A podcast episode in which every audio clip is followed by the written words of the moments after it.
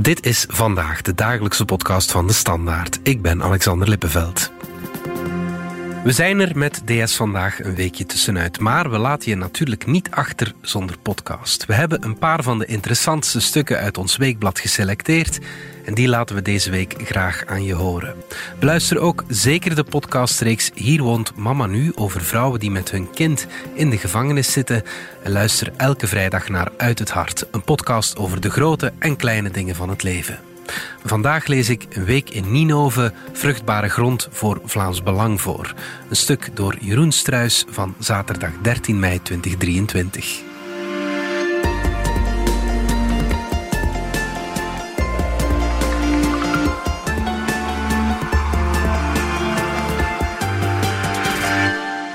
Als ergens Vlaams Belang aan de macht kan komen in 2024, dan in Ninove, waar Guy Dazeleer rekent op een absolute meerderheid. De weerstand tegen uiterst rechts van vroeger heeft plaatsgemaakt voor gelatenheid. De mensen zijn het beu en willen verandering. En er is nog maar één partij die dat kan beloven. Had u pizza besteld? In de imposante barokke 17e-eeuwse abdijkerk bevindt zich niemand behalve de Heilige Geest en een pizzacourier. Hij is niet op zoek naar zingeving, maar naar wie twee pizza's heeft besteld. Dat er een grap met hem is uitgehaald, heeft hij niet door. Tegenover de kerk van Ninove wacht pastoor Alexander van Dalen ons op in zijn recent gerenoveerde pastorie. Hij is sinds zeven jaar de pastoor van Ninove en was hier al vrij snel geliefd. Dat men hem ook bespot in de carnavalstoet, het grootste evenement van het jaar in deze regio, noemt hij een eer. Er is armoede in de Denderstreek, zegt hij, in de letterlijke zin van het woord. Te weinig geld voor deftig onderdak en de basisbehoeften. Maar er is vooral ook een armoede in contacten. Mensen die hun buren niet kennen of niet met hen praten. En dat leidt tot verzuring. Eigenlijk zijn ook zij arme mensen. Je kunt een grote tuin en een mooi huis hebben en toch arm in contacten zijn. Het is een ziekte van deze tijd. De ogen zullen op zijn stad gericht zijn bij de gemeenteraadsverkiezingen volgend jaar. In het enige hotel van Ninove, de Kronen, zijn al enkele kamers geboekt voor zondag 13 oktober 2024. Ninove wordt dan ook gezien als dé plek waar Vlaams Belang de macht kan grijpen met zijn lokale afdeling Forza Ninove, geleid door Guy Dazeleer. Dat beseft ook Tom van Grieken, voorzitter van Vlaams Belang.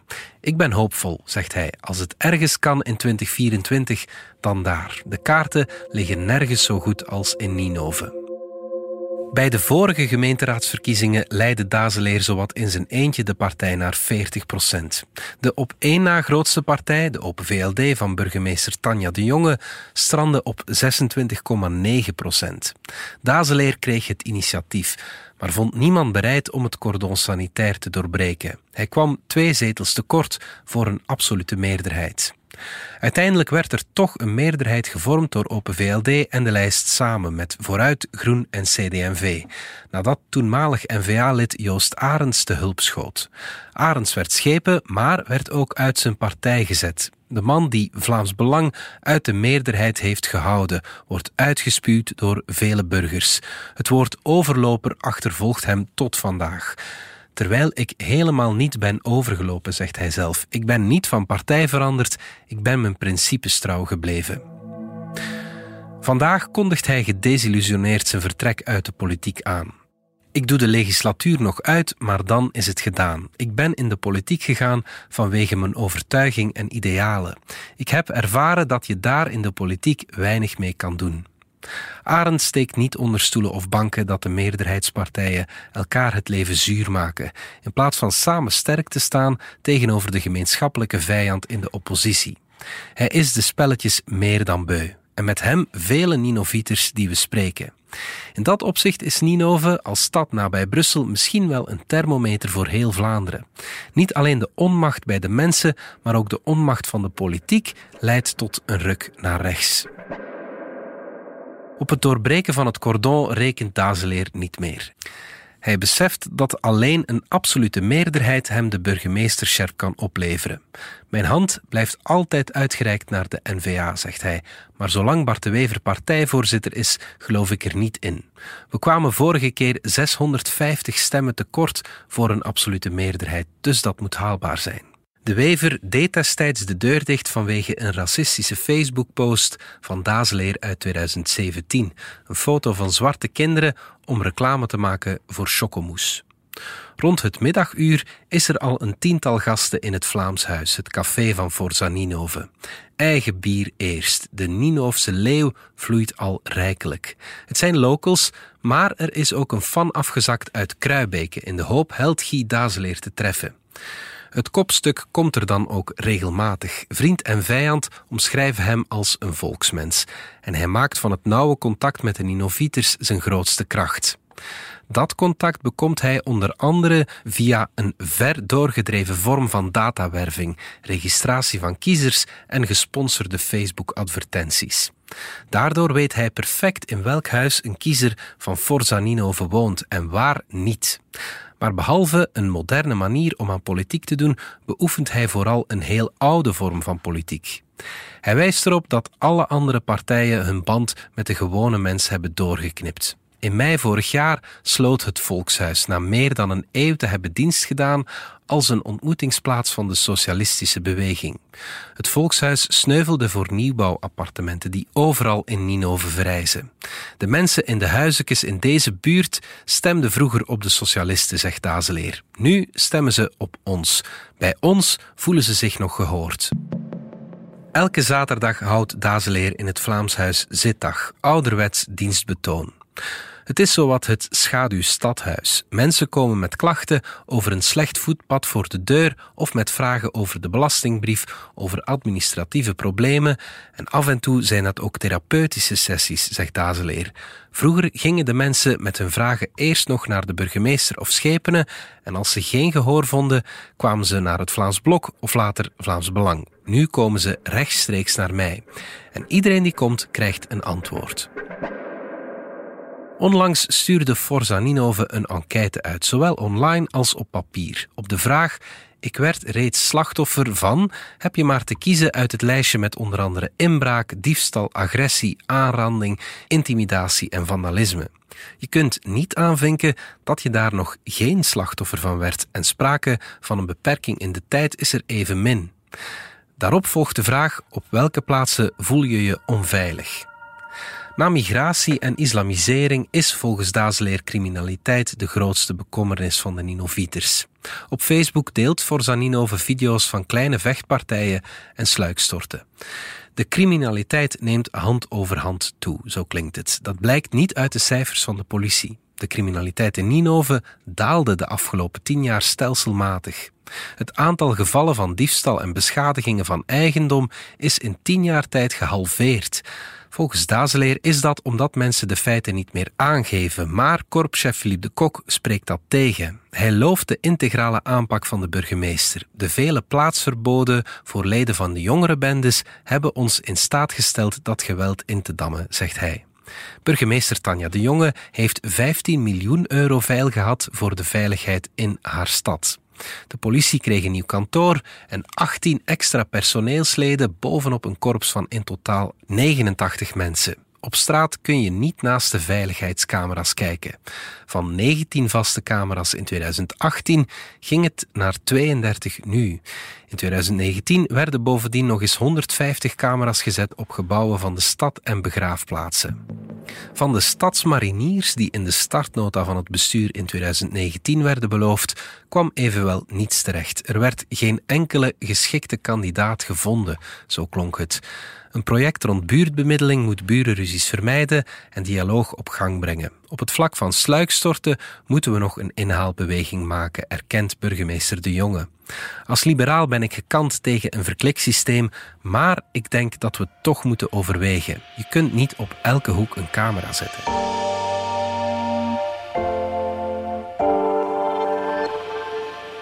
Het is niet omdat de veiligheid toeneemt dat het onveiligheidsgevoel afneemt. 49% van de Ninoviters voelt zich zelden of nooit onveilig, terwijl dat voor het Vlaamse gewest op 68% ligt. Ninoviters die het hebben over onveilige buurten noemen de stationsomgeving en het stadspark. De stationsbuurt oogt inderdaad wat verwaarloosd met een leegstaand stationsgebouw. Graag helpen wij u verder via een van onze andere verkoopkanalen. Staat op het rolluik van de loketten die sloten in 2021. Het is, naast het verdwijnen van bankkantoren, een van de symptomen van de verwaarlozing van de kleinere gemeenten in Vlaanderen. Maar van onveiligheid lijkt op een vrijdagavond laat geen sprake. Rond 22 uur neemt een groepje uitgelaten jongeren de laatste trein naar Denderleeuw om er de verjaardag van een van hen te vieren. Geen wonder dat ze vertrekken. Op dat moment sluiten de cafés één na één al de deuren. In Ninove gaat men om 22 uur onder de wol. Een uur later dooft de straatverlichting. Toch zouden er buurten zijn waar je gewoon niet meer durft komen. Dat zweren veel oudere inwoners. Je ziet ook vaak zwarte samentroepen met luide muziek, al dus Greta Piron. En ze praten ook zo luid, dat schrikt af. Samen met enkele andere gepensioneerde vrouwen uit Denderhoutem drinkt ze een kopje koffie in shoppingcenter Ninia. Met enige zelfrelativering noemen ze hun groepje de Cirkelzaag. De vreemdelingen krijgen een leefloon, klinkt het, en Vlamingen moeten maar hun plan trekken. Dat stuit tegen de borst. Vreemdelingen kunnen hun kind voor 1 euro naar de crèche sturen, maar mijn zoon moet er 30 euro voor betalen. Dat is toch niet normaal? Ik was vroeger geen racist, zegt een van hen, maar op den duur verander je. Niet alleen in dit gesprek vallen herhaaldelijk de Vlaamse klassiekers Ik ben geen racist, maar en pas op, er zijn ook goeie. Het is goed dat je even kunt ventileren, zegt Marie van den Bergen. Ze relativeert. De meeste nieuwkomers zijn te goeder trouw. Het valt mij op dat de vreemden wel goeiedag zeggen, in tegenstelling tot veel anderen. Het is die armoede aan contacten waar priester Alexander het over had. Hij neemt ons mee naar woonzorgcentrum Klateringen, waar je enkele schakeringen van wit en grijs vindt. Naar best vermogen wordt meegezongen met Onze Lieve Vrouw van Vlaanderen, die al dan niet pizza's had besteld. In die zeven jaar dat ik priester ben, zag ik de stad enorm veranderen. Je zit met een stevige instroom van nieuwe inwoners uit Brusselse, wat ook met een verfransing komt. Ik zie het in mijn kerk, waar mensen uit de hele wereld zitten, maar vooral uit Afrika en Oost-Europa. Ik geef hen de kans om een vertaling van het evangelie te volgen op hun telefoon, tot ergernis van sommigen. Migratie is een relatief nieuw fenomeen in Ninove. Begin jaren 90 bedroeg het aantal inwoners van buitenlandse herkomst in de stad 2,5 procent. Tussen 2010 en 2020 groeide dat cijfer van 9,9 procent naar 19,8 procent. In 2021 waren er 31.000 Belgen met Belgische ouders, 6.000 Belgen met buitenlandse achtergrond en 2.700 niet-Belgen op in totaal net geen 40.000 Ninovieters. Voor velen ging dat te snel. Twintigers herinneren zich dat hun klas nog volledig wit was, terwijl vandaag de kleuterklas in de lettertuin een bonte mengelmoes is. Het is de meest diverse school van Ninove. 214 van de 404 leerlingen hebben thuis geen ouder die Nederlands spreekt. Kinderen die moeite hebben met Nederlands krijgen bijles van zorgleerkracht Stefanie Dazeleer bij de Ninovieters, ook bekend als Prins Carnaval.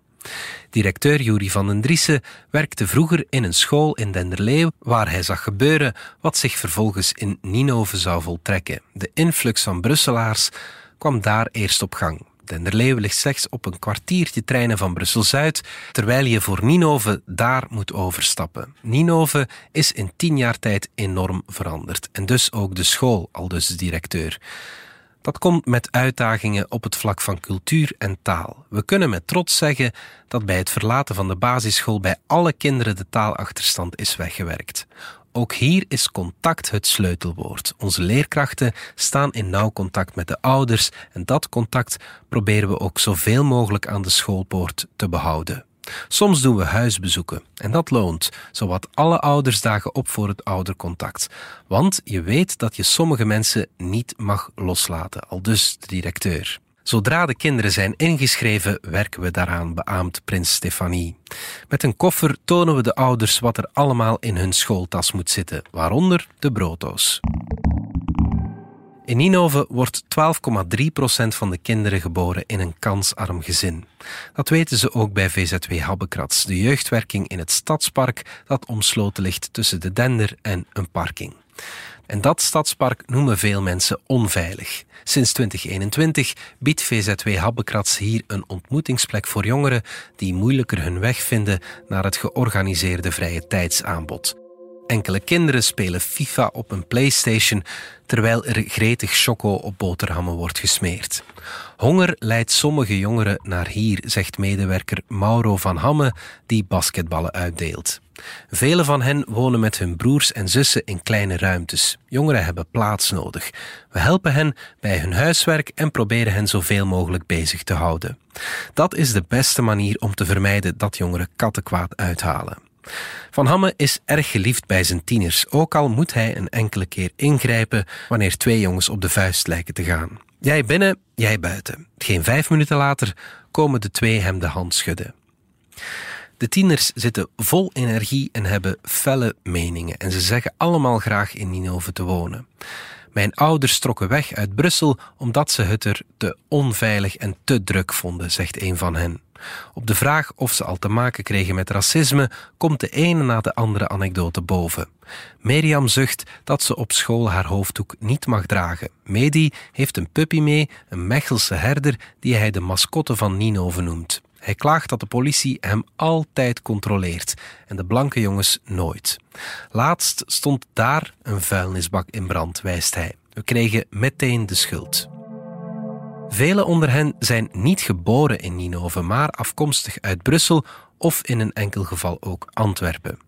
Het succes van Ninove bij Brusselaars heeft zeker ook te maken met de woningmarkt. In Ninove ligt de mediaanprijs voor een huis op 271.500 euro. Dat is een koopje vergeleken met de goedkoopste Brusselse gemeente Anderlecht, waar je 350.000 euro neertelt. Het zijn dan ook niet allemaal minder welvarende mensen die hier komen wonen, zegt priester Alexander. Ze zijn in staat een huis te kopen, ook al is het soms in een niet al te beste staat. Het is een evolutie waar een burgemeester niet meteen vat op heeft. De oplossing die Guy Dazeleer voorstaat is nogthans simpel. We gaan de mensen zeggen dat ze hier niet welkom zijn, zegt hij. En we gaan sterk inzetten op ons Vlaams karakter. Een beetje genre Dilbeek. Hier spreekt men Nederlands. Waarom trekken die allemaal naar ons? Als ze per se Frans willen spreken, dat ze dan naar Wallonië gaan.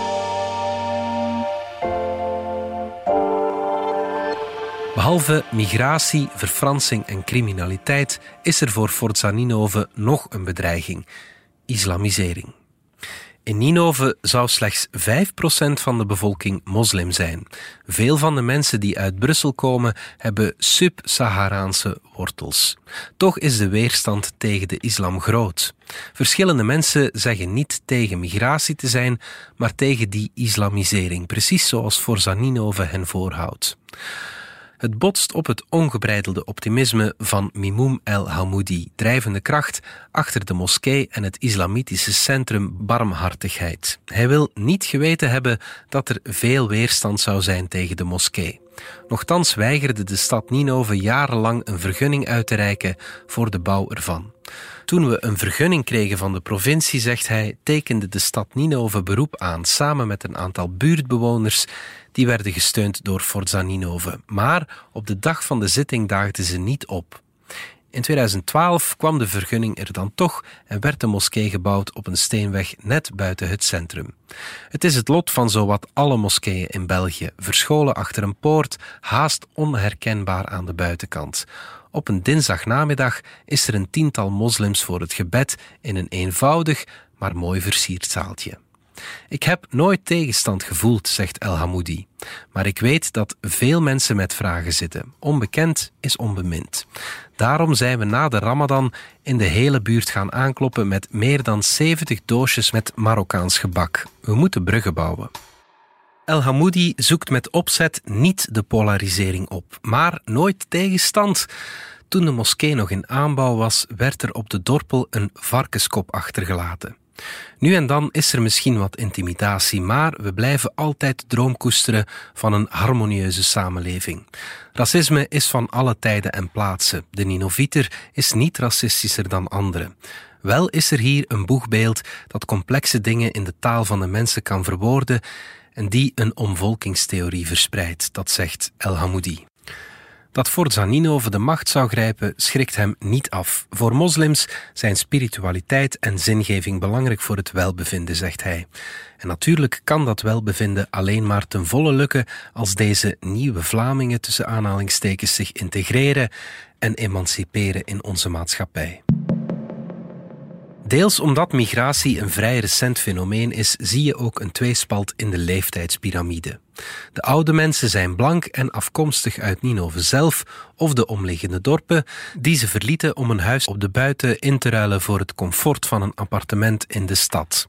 Ondertussen komen jonge gezinnen uit Brussel zich nestelen in Ninove, dat zo de facto Brusselse rand wordt.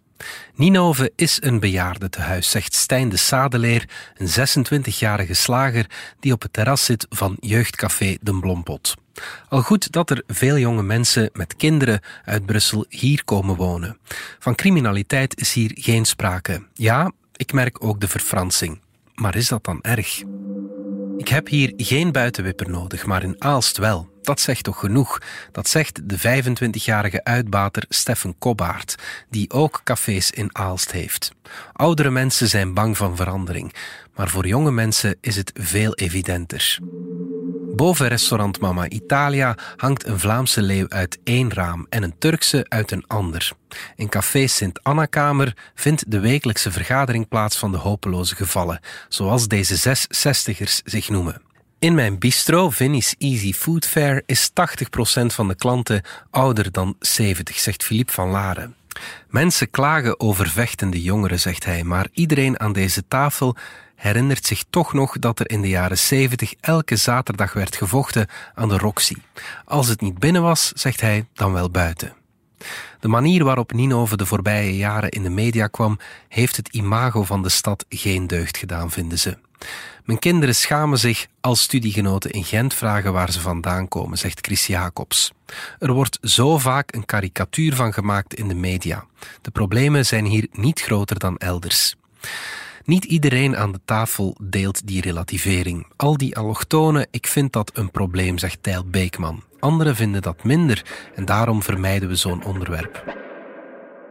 Waar de hopeloze gevallen het wel over eens zijn, is dat het huidige stadsbestuur te zwak is en daardoor de weg plaveit voor Forza Ninove. De mensen zijn het beu en willen verandering, zeggen ze. Er is nog maar één partij die dat kan beloven. Voor burgemeester Tanja de Jonge is het moeilijk opboksen tegen dat beeld. Ik krijg het verwijt dat we geen tegenverhaal hebben tegenover Forza Ninove, zegt de jonge. Maar achter Guy Dazeleer zit een hele batterij mensen om zijn sociale media te runnen. Guy heeft ook de tijd en ruimte gekregen vanuit zijn partij om vol op Ninove te focussen.